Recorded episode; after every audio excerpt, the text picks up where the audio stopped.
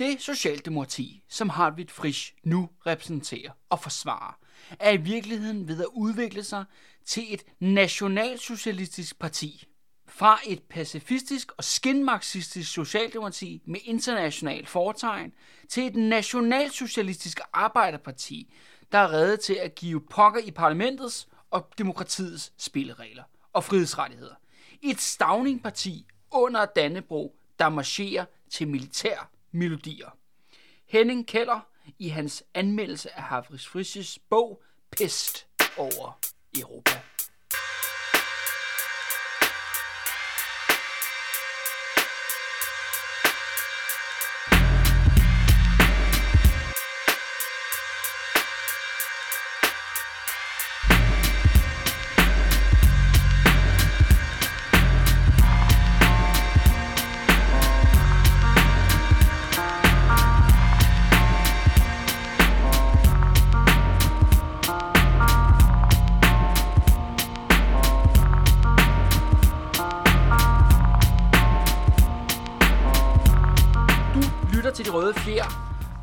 Undertegnet Kalle Kylmand og min sidste episode om konsensushistorien, eller vores erstatning for en statsideologi.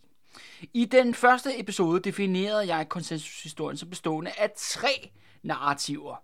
Et, den gode stat, slash ukorrupte embedsmænd og retfærdige dommere fra slutningen af 1700-tallet. 2 det nationale og demokratiske fællesskab, skabt af Grundtvig og andelsbevægelsen, og senere arbejdervæsen, men det kommer vi ind på i dag. Og nummer tre, at vi har verdens bedste og dygtigste politikere, især efter 1901, der gennem forhandling og kompromis har skabt et dansk utopia, som er et eksempel, et lysende eksempel for resten af verden. I episode 2 af mit min, øh, min forelæsningsrække her om konsensushistorien, der handlede det om historikeren og den radikale politiker P. Munk, der grundet en personlig og social krise søgte en mening med livet, og derfor gjorde histori- konsensushistorien til sin livsopgave, sin livsmission. Og han så det som et kulturforsvar. Altså det var det, dens funktion skulle være, et kulturforsvar, der kunne sikre det danske folks fortsatte eksistens under en flere hundrede lang årig tysk besættelse og indlemmelse. Konsensus, eller kulturforsvaret, kært barn har jo som sagt mange navne, om vi vil, den fik jo mange disciple blandt historikere, embedsmænd og andre intellektuelle. Og de spredte den igennem uddannelsessystemet. Særligt myte nummer et, synes de sjovt nok var den ægte skandbarlige sandhed.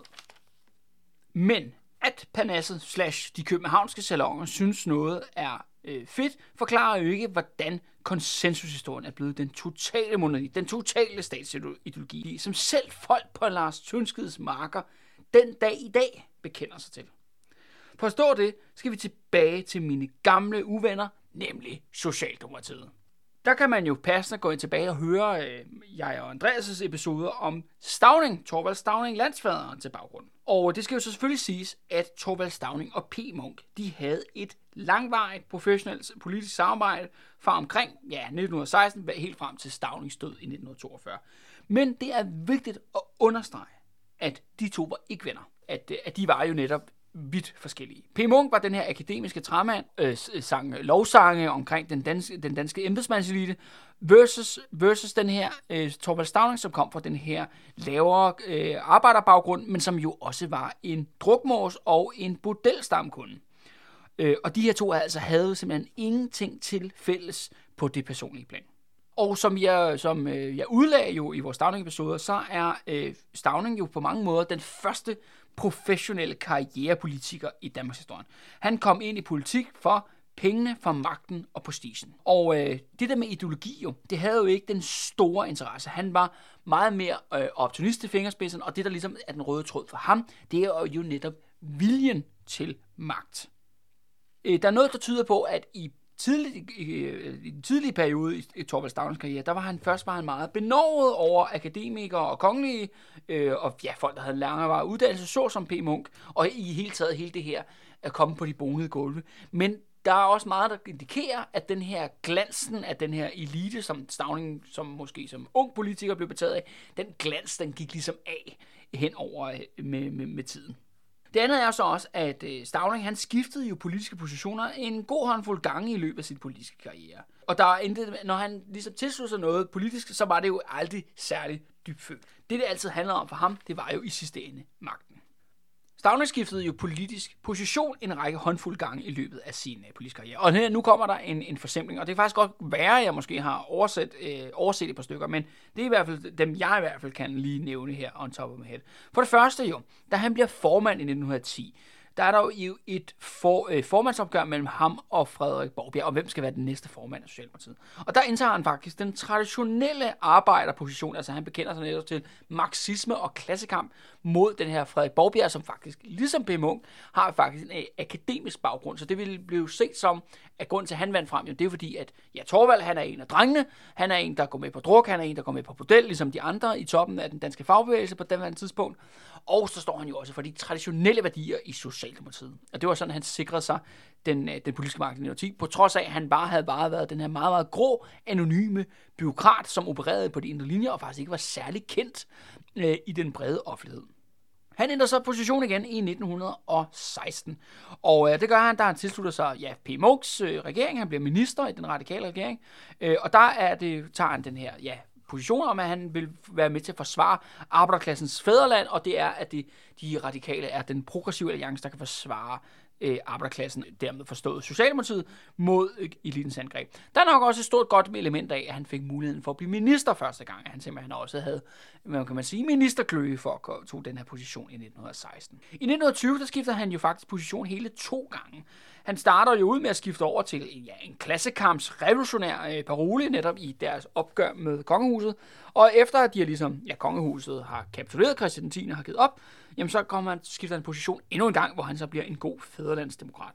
Det næste skift, som er det, der egentlig er fokuset i dag, og som er det, der er det vigtigste i dag, og det er det, du skal huske, når du går, øh, når du slukker for, den, øh, for, for min stemme her, det, det er netop det store skift i 1933, 1934, netop det hedder Danmark for folket. Hvor at Socialdemokratiet og arbejdervægelsen, altså i hvert fald den etablerede reformistiske del af arbejdervægelsen, de opgiver fuldstændig klassekamp, og de opgiver marxismen. I stedet for arbejderklassen, så får de i stedet for et folkeparti, altså derfor de skifter ligesom arbejderne, proletariatet, om man vil, ud med nationen. Og det er så her, hvor at, øh, ja, i dagens episode af konsensushistorien, den rykker simpelthen ind i hjertet af Socialdemokratiet. Downing er selvfølgelig et mand, der ligesom har godkendt det, sat grønt lys. Han styrede øh, ja, partiet, bevægelsen med hård hånd, øh, og det er ham, der gennemførte det. Men når det kommer til Stavns person, så er det, for, i hvert fald når det er min analyse, så er det taktisk.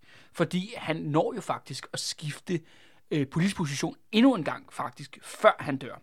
Og det gør han jo i 1939-1942, hvor han jo netop tager de her skridt over mod italiensk øh, fascisme, bliver han inspireret af, og netop på det der med, at han begynder at diskutere netop simpelthen afskaffelsen øh, af arbejdervæsen. Det der med, at arbejderbevægelsen nærmest afskaffer sig selv. Men han, øh, han døde jo, før det ligesom kunne blive realiseret, øh, og, øh, og dermed reddede det også hans eftermæle. Da konsensusdøren kommer ind der i starten af 30'erne Socialdemokratiet, så er det ja med Stavnings accept, men det er ikke fordi, at Stavning i sig selv er en trofast øh, hvad hedder det, proselyte til den her konsensushistorie. For ham er det et taktisk redskab, der gav mening i øh, start og midten af 30'erne, og det var også noget, han øh, langsomt begynder at opgive i slutningen af 30'erne under krigen, da han jo ligesom troede, at Nazi-Tyskland ville ja, gå, gå, gå sejrigt ud af krigen, og derfor, for, for Stavning, der handler det om magten, og hvordan bliver han med magten? Jamen det er jo netop ved at optage øh, ja, fascistiske simpelthen elementer. På trods af, at Stavning jo ligesom øh, bekendtskab med konsensushistorien og, konsensus, og lukke konsensushistorien ind som politisk ideologi. Øh, for ham var det måske en, en, relativt kortvarig affære, men konsensushistorien kom til at sidde rigtig, rigtig godt fast inde i Socialdemokratiet, og der har det sådan set siddet den dag til det hele vejen til, til i dag. Ikke bare det danske Socialdemokrati, den danske arbejderbevægelse, men sådan set faktisk Danmark i det hele taget på et form for ja, intellektuel, historisk vidensplan, der er det som om, at vi er gået i stå. Vi står stille her i 1933-1934. Det er jo det samme, det handler om. Det er jo det sidste gang, at der blev ændret en smule i konsensushistorien, og der er sådan set ikke nogen, der har virkelig rykket ved noget øh, siden da. Og på den måde er det også derfor, jeg siger det der med, at P. Munchs spøgelse, det lever i bedste velgående, og det er der med, ja, at vi aldrig rigtig er kommet videre. Øh, og grunden til, at den her konsensushistorie kommer til at stå så stærkt, det er, at en række senere socialdemokratiske formand, mest markant Hans Hedetoft og H.C. Andersen, de virkelig slår den konsensushistorien fast som Socialdemokratiets historieforståelse. De har dog et socialdemokratisk twist, som, øh, som jeg kommer ind på senere i den her episode. Der at konsensushistorien jo, som starter, som starter jo faktisk på PMU's studerkammer i Viborg, øh, og derfor bliver ligesom, ja, bliver Øh, det radikale venstres politiske øh, ideologi, så spreder den nu sig til Socialdemokratiet som optager politiske ideologi, og så i 1945, der tilslutter sig de borgerlige, altså de borgerlige partier i, på Folketinget på et tidspunkt, altså Venstre og Konservative, de tilslutter sig også konsensushistorien. Og derfra så opstår der simpelthen et mønster af, man ser det mange gange gennem Danmarkshistorien, det er ikke fordi, jeg vil gå ned i samtlige tilfælde, men man kan fx nævne et øh, parti som SF, som bliver dannet i 1959, som udbruddet af Kommunistpartiet, som på sin vis også på nogle aspekter det abonnerer på konsensushistorien, og så alligevel ikke helt, at, øh, at de ligesom kommer frem og stiller sig i opposition, blandt andet også til, ja, til the establishment, og så går der noget tid, hvor de kommer i Folketing osv., og, og, indtil, og inden du får set dig om, så for eksempel da de indgår i det røde kabinet, kabinet i 1966, jamen så har de lavet det mentale, politiske, ideologiske knæfald til konsensushistorien. De har simpelthen optaget det som en del af deres ideologiske tankegods. Og det er det, der, sådan, der sker sådan rimelig systematisk øh, med, i forskellige grader og med forskellige personer i forskellige tidspunkter med alle partier, der er kommet ind i Folketinget. Venstre, så som højre, helt til i dag. Det er i hvert fald det, min analyse er. Det er i hvert fald det, jeg synes, jeg har set. Og det er også derfor, at ja, du kan nok have så, nok så dynamisk et protestparti, men det kommer ind, så går der lidt tid, og så bliver de fedtet ind i det, ligesom alle andre, bliver del, så bliver det ligesom en del af ideologien, og for mange af dem vil det faktisk også føre til, at de dør som politiske øh, organisationer.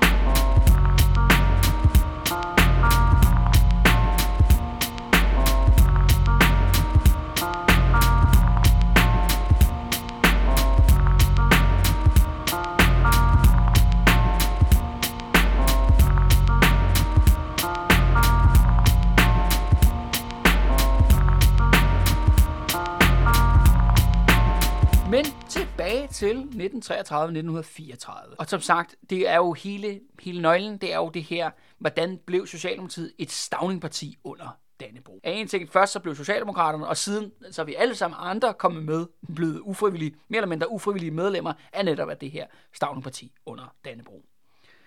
Og for at forstå øh, konsensushistoriens overtagelse øh, og omforming af Socialdemokratiet, så bliver jeg nødt til at introducere den vigtigste socialdemokratiske historiker slash ideolog i Danmarks historie. Og det er netop Hartwig Frisch. Godt være, at P. Munk er Gud, men Hartwig Frisch er hans profet. Hartwig Frisch han blev født i 1893 i Hillerød i en akademisk slægt af skolemænd, men de var virkelig reaktionære konservative, altså de var trofaste Estrup-støtter, og så var de også rige. Men som treårig, der sker der noget, som jeg vil sige øh, har ja, ret vidtgående konsekvenser. Som treårig, der dør Hartwig Frises øh, far. Og, øh, og der kan man jo, synes jeg i hvert fald godt, man kan konkludere på, øh, på baggrund af Nils øh, Finn Christiansens øh, biografi om Hartwig Frisch, at han udvikler øh, daddy issues. Og det kan man så sige, jamen det er vi sgu så mange, der har, altså det der med daddy issues. Men det interessante ved Hartwig Frisch's daddy issues, daddy issues, det er, at han gør, det er ham, der gør Torvald Stavning til landsfader. Det er ham, han gør ham selv, Stavning først til sin egen faderskivelse, og så gør Hartwig Frisch Stavning til, til simpelthen vores allesammens far. Fordi da Hartwig var lille, der havde han ingen far, så Stavning blev hans far, og Hartwig gjorde Stavning til vores allesammens far. Med sin baggrund øh, på daddy issues eller ej, skulle Hartwig selvfølgelig have en akademisk karriere. Og han kom til at læse ikke særlig overraskende, historie på Københavns Universitet fra 1910. I sin studietid, der tog han det ret øh, kontroversielle valg, at øh, han begik simpelthen en klasseforræderi mod sin egen baggrund og blev socialdemokrat i 1911. Også, øh, han havde ligesom, kan man sige, P. Munk, og det er jo heller ikke fordi, vi skal gøre det til noget sådan specielt, at man som ung måske kan have en identitetskrise om, hvad, man, hvad, skal, hvad vil man, hvad vil man opnå, hvor man kan hen.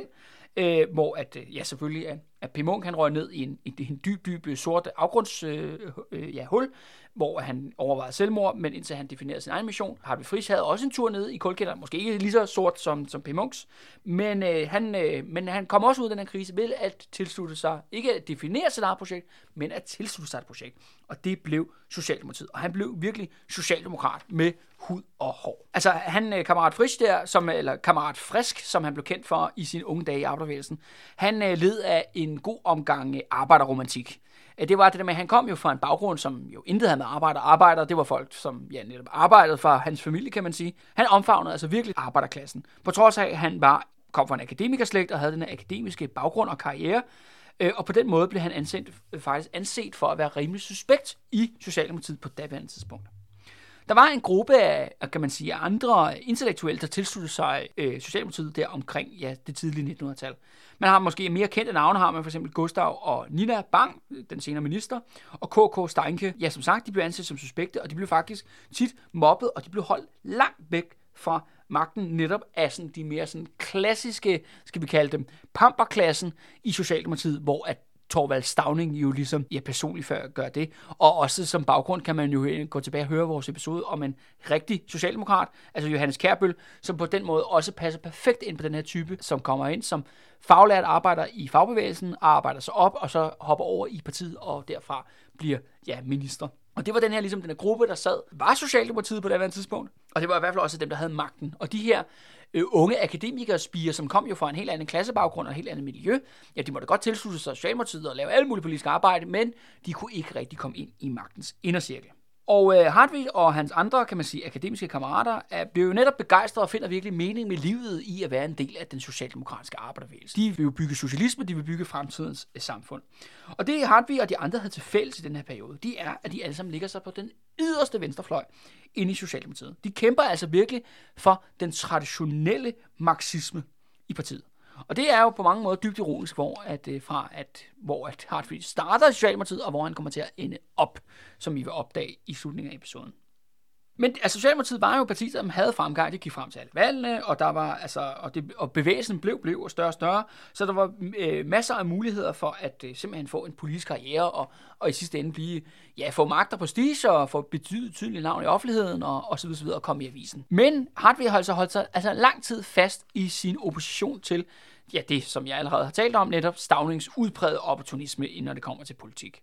Altså, Hartwig blev ved med at stå fast på, at vi skal tilbage til klassekampen, vi skal tilbage til marxismen, vi skal holde til fast i de traditionelle arbejderbevægelse dyder. Men den ene efter den anden af de der akademiske venner, han havde i starten af sin politiske karriere, de lavede simpelthen en for, ja, det knæfald, en underkastelse over for Stavning på den ene eller den anden måde, og som belønning, der fik de jobs, og de blev senere minister. Men ikke Hartwig. Han, øh, han holdt altså simpelthen fast i sin egen version af den her reformistiske marxisme, og derfor blev holdt i armslængde af Stavning. Hvor alle de andre, ja, akademikere, ja, de, jeg sagt, ja, de kyssede Stavning jo et vist sted, og, øh, og dermed beviste deres loyalitet, og dermed blev de også belønnet. Og senere da var der jo, kan man sige, var der ingen uro i rækkerne, de var faste Stavningsstøtter alle sammen. Så Hartwig Frisch er faktisk lidt tvunget af ikke at kunne sådan, øh, leve af politik, han blev nødt til at undervise, og han blev faktisk uddannet klassisk øh, filolog øh, og forfatter. Han udgiver blandt andet en, en bestsellerperiode, der hedder Europas øh, kulturhistorie. Er, altså, det skal siges, at som historiker, før han jo ligesom bliver den nye store, kan man sige, profet for konsensushistorien, jamen så øh, beskæftiger han sig med, faktisk mest med klassisk historie, altså antik historie netop fra det gamle Grækenland og Romeriet. Igennem øh, 1920'erne, der har han jo stadigvæk i, altså langt væk fra noget der, noget, der hedder magt og prestige og penge i Socialdemokratiet, men han blev ved med at holde fast i sit marxistiske udgangspunkt, eller i hvert fald sådan, som han definerer det. Øh, og han blev faktisk ved med at flytte og diskutere med DKP, altså det danske kommunistiske parti. Fordi hans rationale er jo, at vi jo alle sammen marxister, vi kommer jo alle sammen, vi arbejder alle sammen inden for arbejdervæsen, vi burde kunne finde sammen i den her kamp for socialismen. Det går så bekendt ikke. Selvom fra øh, Hartwig Friis prøver virkelig altså, at slå bro mellem alt, der er til venstre for Socialdemokratiet og sit parti, så vil det ikke lykkes, også fordi at der er jo ikke nogen i toppen af partiet, der sådan set er interesseret i det. I 1926, der kommer Hartwig Friis i Folketinget for første gang. Men han får altså en yderpost. Han sidder altså nederst i rækkerne. Hans karriere, den står hårdt i stampe.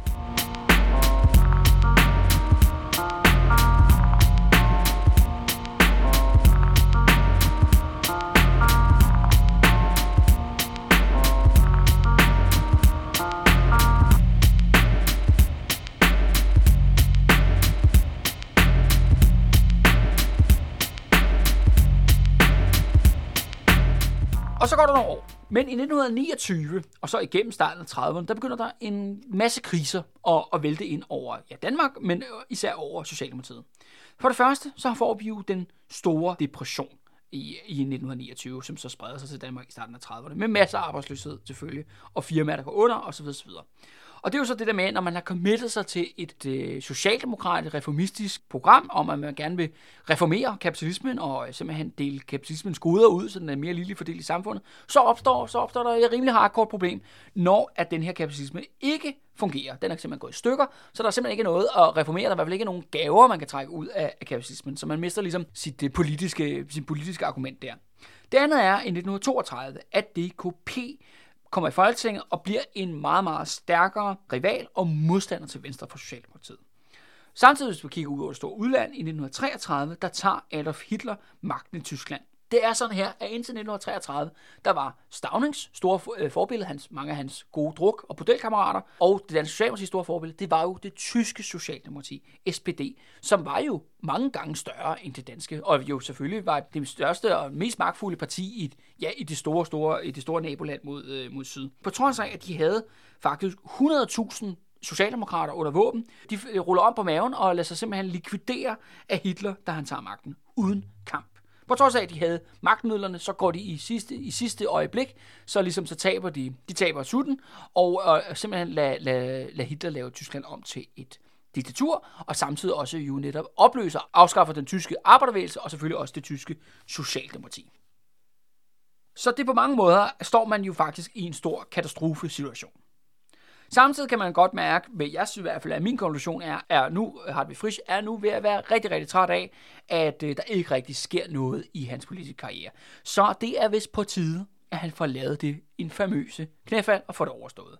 Og det gør han så også. Og han gør, og han laver nok det største, kan man sige, knæfald eller kodo eller underkaldelse for, øh, for Stavning, da han skriver sin bestseller, Pest over Europa i 1933.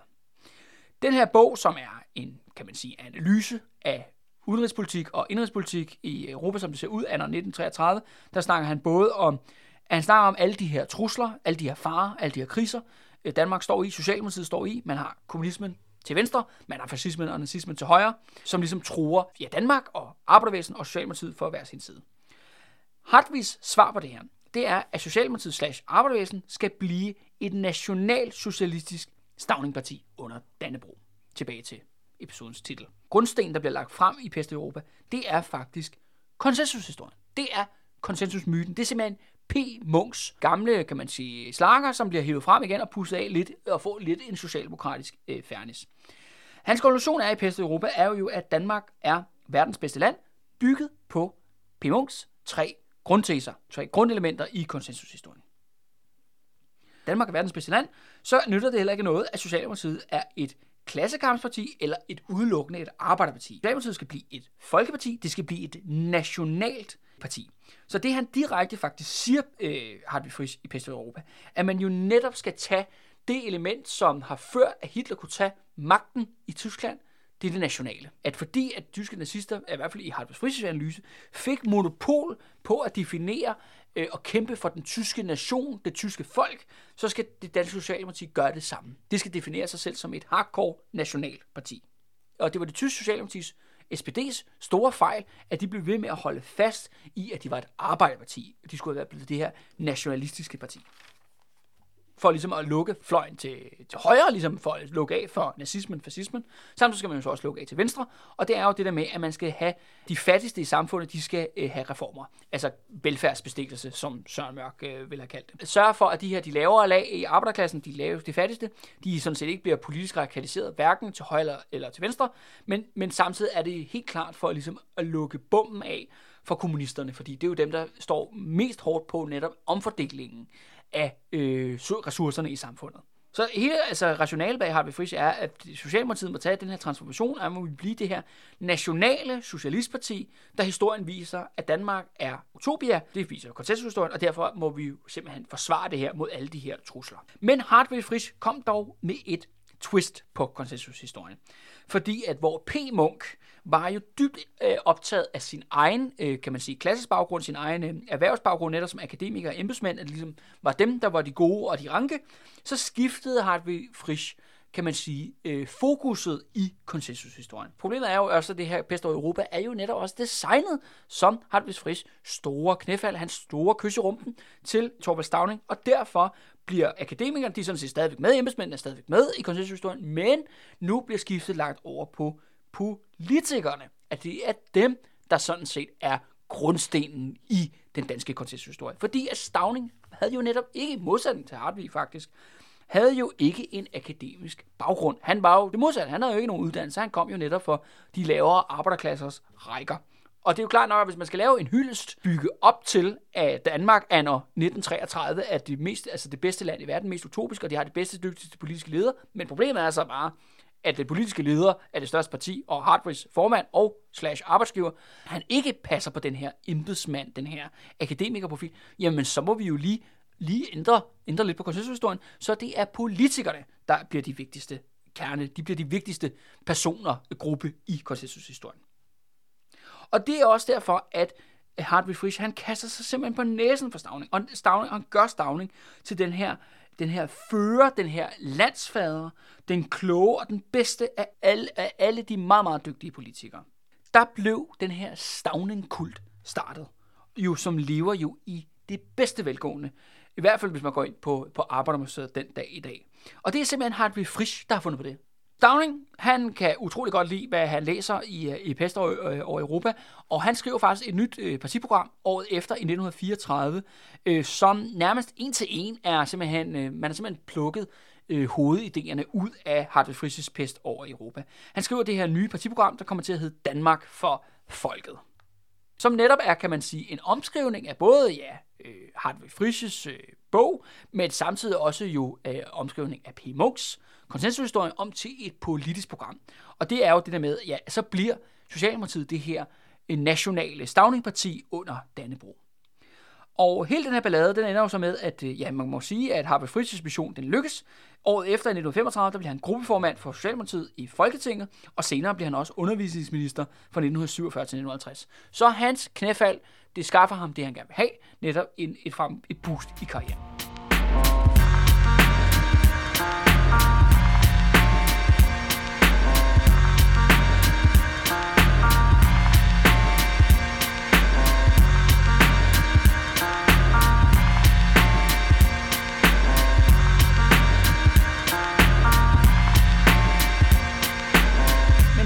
Og øh, Stavnings øh, implementering af konsensushistorien inde i Socialdemokratiet og den socialdemokratisk kontrollerede arbejderbevægelse fører til, at de begynder jo at se sig som nationens nationale værn. Det er jo det, Hartwig Frisch opfordrer Socialdemokratiet skal blive. Det er det, Stavning siger, de skal blive i 1934, og det er jo derfor, at de begynder at agere som netop nations øh, nationale værn, som jo hårdnakket bekæmper ja, kommunister til venstre og nazister, og, og lidt mindre grad nazister til højre. Men det fører også til den her opfattelse af, at netop nu, nu hvor Socialdemokratiet ikke er længere et arbejderparti, men er et folkeparti, som er åbent for, for alle samfundsgrupper i det danske samfund, at det bliver mere og mere den her tankegang i løbet af, ja, det går faktisk egentlig relativt hurtigt, men det foregår der i midten, midten af 30'erne, det er, at Socialdemokratiet begynder at sætte øh, lighedstegn ved dem selv og nationen. De ser sig selv som nationens kerne. Altså Socialdemokratiet er Danmark, og Danmark er Socialdemokratiet. Altså de, de to de samme ting, fordi de siger, vi er dem. Vi præsenterer hele nationen, fordi vi er det her nationalsocialistiske folkeparti, og det, vi er også dem, der forsvarer nationen. Så derfor er alle rigtige danskere, de er også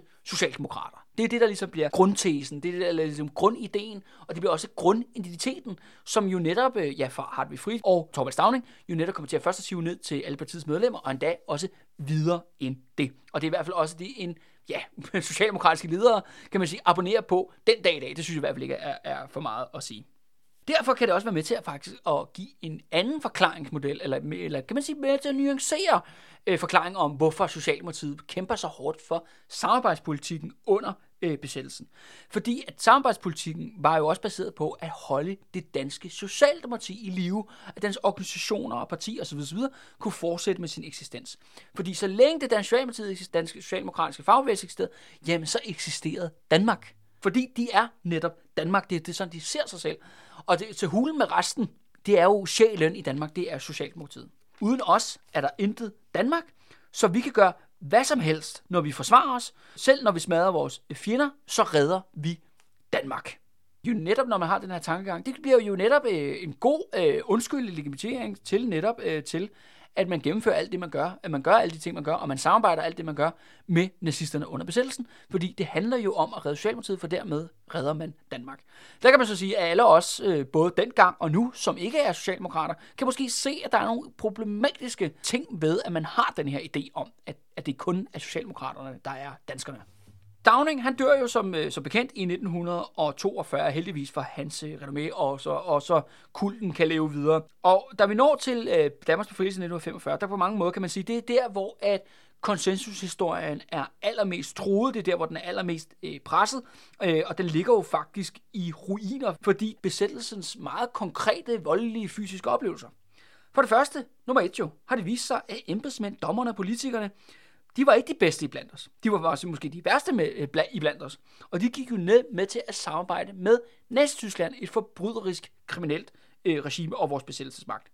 Det andet viste jo også, at den her, social, den her såkaldte, øh, det her enige demokratiske folk, der elsker hyggesnak, brun sovs i hele hovedet, de viser så, at de ikke stod sammen eller var nationale de splindrede jo netop i forskellige øh, ja, grupperinger og bevægelser, der bekæmpede hinanden. Man havde jo øh, henholdsvis ja, dem, der valgte nazismen og, og slogs for den, men du havde også de mange, ja, flere tusinder, der gik med i kommunistiske massebevægelser, og samtidig så har du, som vi også dokumenteret i vores serie om oprøret og opstanden, jamen så har du jo lige så pludselig en masse folk, som jo netop ikke opfører sig som de her gode, utopiske danskere. Jamen de går på gaden, øh, de går i strække, og de udøver politisk vold mod deres øh, magthaver og viser deres protest og deres utilfredshed, og de gør det ikke gennem læserbrev eller dialog. Der i ja, sommeren 1945, der er det jo virkelig knald eller fald. Øh, politikerne slags konsensushistorien står simpelthen en eksistenskamp. Det er simpelthen enten så, så klar, øh, ja, konsensus Danmark, så de overlever, eller også så har vi en eller anden form for opvældning, en eller anden form for revolution. Det, der sker der i løbet af året 1945, det er sådan set, at hele systemet doubler down på konsensus, øh, konsensushistorien. Fordi at grundtesen er jo også i konsensushistorien, det er, at eliten, de er de bedste i verden, og danskerne, I ved det ikke, men I er faktisk enige med os. Og det er så derfor jo netop, at de borgerlige og også kapitalister, så som de, som jo faktisk ikke har været inde i konsensushistorien overhovedet, men de tilslutter sig alle sammen i løbet af 1945 konsensushistorien. Fordi borgerlige og, ja, og hvad hedder det, virksomhedsejerne og alle de andre, de har til fælles med Socialdemokraterne, det var jo netop, at de stod på den forkerte side af historien. De havde netop også valgt nazismen. Og under hele den her kamp, øh, der foregår der i sommeren øh, 1945, der står jo Hartwig Fris faktisk helt i front. Han, øh, næsten lige efter, at besættelsen er slut, der udgiver han så en øh, besættelseshistorie, er nærmest med det samme. Øh, og som sagt, ikke, det handler om, øh, det er vinderen, der skriver historien, men det handler også sandelig om, også om at komme først med sin historie, så man kan netop kan sidde på det historiske narrativ. Og den her besættelseshistorie, som er den første store udgivelse, der kommer, det er selvfølgelig socialdemokratisk propaganda fra den ene til anden. Der er det mange direkte løgne, Øh, og øh, ret relevant er det også for jer, der interesserer jer for besættelseshistorie, det er, at det simpelthen har været frisk der er med til at, øh, han er simpelthen hovedmanden bag at opfinde det her begreb, der hedder den forhandlende modstandsbevægelse og den aktive modstandsbevægelse samarbejdspolitikerne, det er jo den forhandlende modstand, og den aktive modstand, det er jo selvfølgelig den modstandsbevægelsen. Øh, og det er historisk bagværkelse og øh, historieforfalskning, og øh, også ret øh, klamt, hvis I spørger mig. Men lige så snart, at, at Harald Friis har ligesom erklæret, at, at politikernes systemet var en del af modstandsbevægelsen, så går han direkte over til angreb og begynder at svine den væbnede modstandsbevægelse. Og der bruger han jo især det her ømme punkt, der hedder stikkerlikvideringer hvor at der jo blev foretaget en række likvideringer, flere hundrede faktisk, under, øh, under krigen af modstandsbevægelsen, og, no, og en del af dem har en ret tvivlsom øh, karakter. Det er måske flere forkerte folk, der er blevet skudt, og nogle af dem er direkte rovmor. Og det bruger Harpe Frisch alt, hvad han har, for ligesom at miskreditere den her nye modbevægelse mod, ja, både mod ham selv, men også mod hele konsensus Danmark, som jo nu er, er jo alle, alle de gamle partier i, i Folketinget.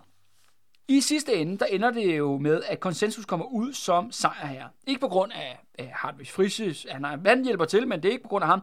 Det er mest på grund af DKP'ernes øh, selv, selvmordiske folkefrontspolitik. Det er en anden historie, I kommer til at få en anden dag, så jeg vil ikke gå mere ind i det her.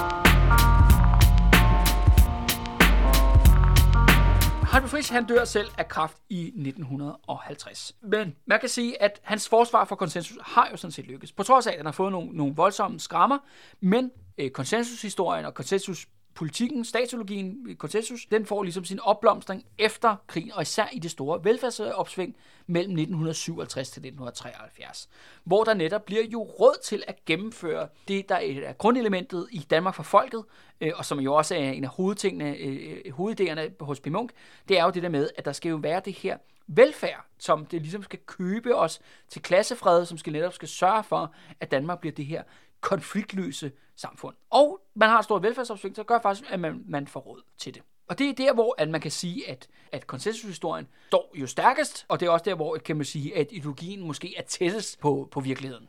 Altså en effektiv stat uden korruption, et godt retsvæsen, dygtige politikere, enige og lykkelige folk, der drak øl i deres kolonihaver med brun sovs i hele hovedet. Øh, nu er det jo selvfølgelig en myte, øh, ligesom så meget andet, og jeg vil ved med, at den ikke tåler en nærmere øh, test. Men det er jo nok ikke for meget at sige, at det gik jo generelt fremad i perioden, og folk de blev jo rigere, og de sociale og politiske konflikter, de blev dæmmet. Og det bringer sig også helt frem til i dag.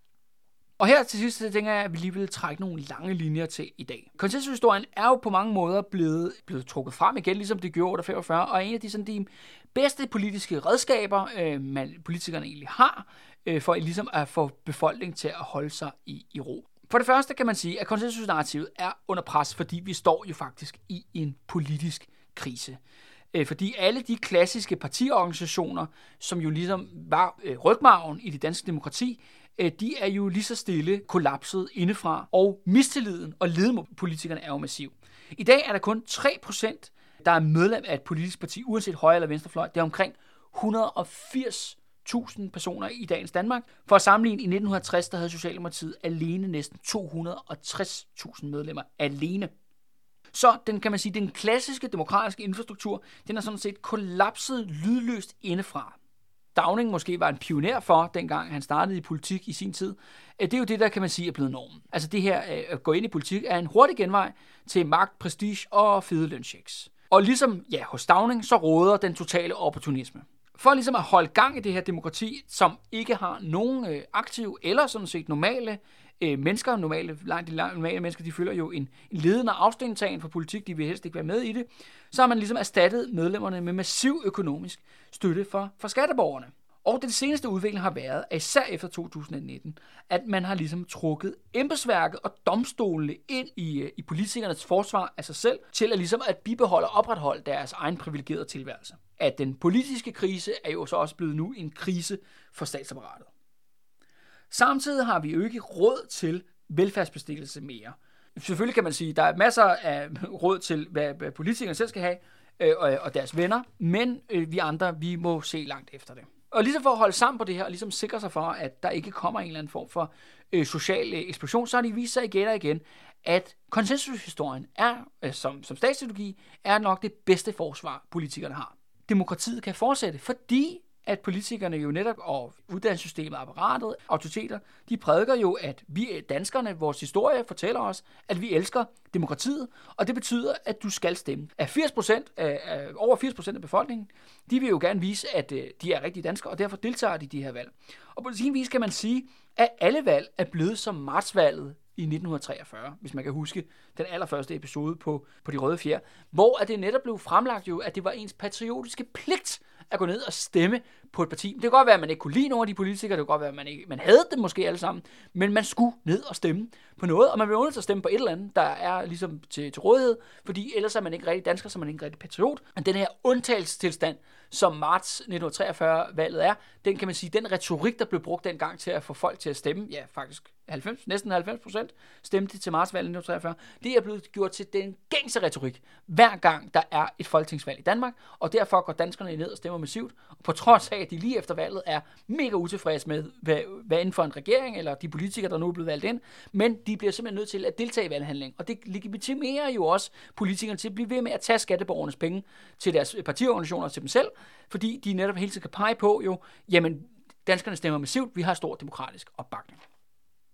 Et andet element er jo selvfølgelig, at hvis man gerne vil protestere, oprør, altså protest, direkte aktion eller hvad det kan være, det er simpelthen blevet stemplet som direkte udansk. Den danske vej, det er simpelthen øh, forhandling og, og kompromis. Se vores historie, og der bliver jo så igen henvist til alle de store, ja, hele P. Øh, historiske årstalsrække, der er 1901, 1920, 1933 og 1945. Og der vil jeg så sige, bullshit, det er jo ikke det, der rykker Danmarks historie. Det er faktisk det modsatte af, at man sidder pænt og protesterer ved at skrive, øh, hvad hedder det, øh, artikler til politikken. Nej, det er faktisk det der med, hvis folk begynder at agere politisk, og lave virkelig store øh, politiske protester, om det er strække eller optøjer af gaden, eller hvad det er, det er det, der sådan set er med til at skubbe Danmarks historie frem. Og det er der, at der sker noget politisk. Fordi hvis politikerne står det valg med, om de, deres fortsatte tilværelse hvis deres fortsatte tilværelse er i far, jamen så, vil de nok, så skal de nok komme med gaver. Sådan har det altid været i Danmarks historien, og lurer mig, om det ikke også vil ske igen. Det andet er jo også et element, er, som, også, som politikerne hele tiden fremlægger selv, og som er jo egentlig en videre idéførelse af både Hartwig Frisch det om Socialdemokratiet som det nationale værn, det er, at politikerne fremstiller sig selv som det nationale værn. Vi er Danmark. Og det er jo det der med, at hvis man er mod politikerne, jamen, så er man også imod Danmark. Det er ligesom det, der er, der er også en af deres gamle, deres gamle heste, som jo igen er hævet direkte ud fra konsensushistorien, og, men især har Frisches twist fra 1930'erne. Og en anden ting, man må sige, man må give politikerne, det er jo, at øh, de forstår for sig selv virkelig som, en, som nationen, som det nationale værn, øh, når man kommer ind på vognen, uanset hvad for en partifarve øh, man har. Og de har også i gentagende gange jo netop udvist en udpræget solidaritet med hinanden inden for Christiansborg. Og det er jo nok derfor, at alle jo igen tilslutter sig jo i sidste ende konsensus. De bliver simpelthen en del af klubben og den her privilegerede øh, tilværelse, de har med det her ja, magt og prestige, og som sagt et, et, en, virkelig, en virkelig fed økonomisk øh, livsstil. Og igen det der med, at hvis du er imod politikerne, jamen, så er du imod Danmark. Og til sidst, men ikke mindst, så er det jo det der med, at man det bliver slået fast igen og igen, af politikere, historikere og andre ledende professionelle, at det bliver jo gentaget i en lang smør, at danskerne får hele tiden at vide, at de lever i verdens bedste land, og derfor skal de holde deres kæft og stoppe med at brokke sig, kan de være fucking taknemmelige.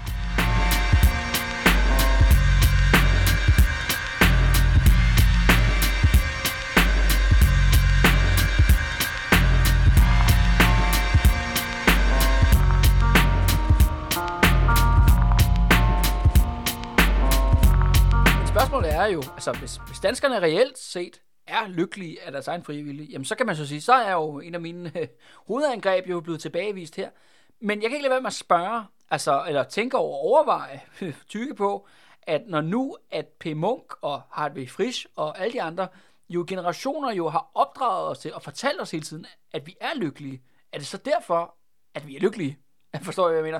Der er jo en forskel på at vælge at sige, jeg er lykkelig af egen fri vilje, eller jeg er opdraget til at være lykkelig, fordi at det holder mine politiske ledere ved magten, at de kan sige det hele tiden. Og jeg i sidste ende tror på det. Hvis man går hele planken ud, jamen så må vi jo tale om øh, ja, massiv hjernevask jo af generationer, og man virkelig har skabt lojale borgere, som vil jo gøre Kim Jong-un misundelig. Og det var min fortælling om konsensushistorien. Det siger sig selv, at jeg er villig til at forsvare og uddybe min analyse, uanset forumet og uanset hvem jeg skal debattere med. Så spred ord derude. Handsken er hermed kastet. så må vi se, om der er nogen, der samler den op. Der er en aller sidste ting, jeg gerne vil påpege, og det er jo, at når vi taler om ordet konsensushistorien, så er det jo faktisk kun et ord, øh, historiker historikerord. Det er jo det, jeg også har brugt igennem hele mine tre episoder her, fordi jeg er jo selv historiker. Men i dag, når medier, embedsfolk og politikere taler om konsensushistorien, så bruger de ikke ordet konsensushistorie. De kalder det noget andet. De kalder det sammenhængskraften. Så vær opmærksom næste gang, du hører det ord. Det burde få alarmklokkerne til at ringe. For hvem er det, der i sidste ende får noget ud af sammenhængskraften?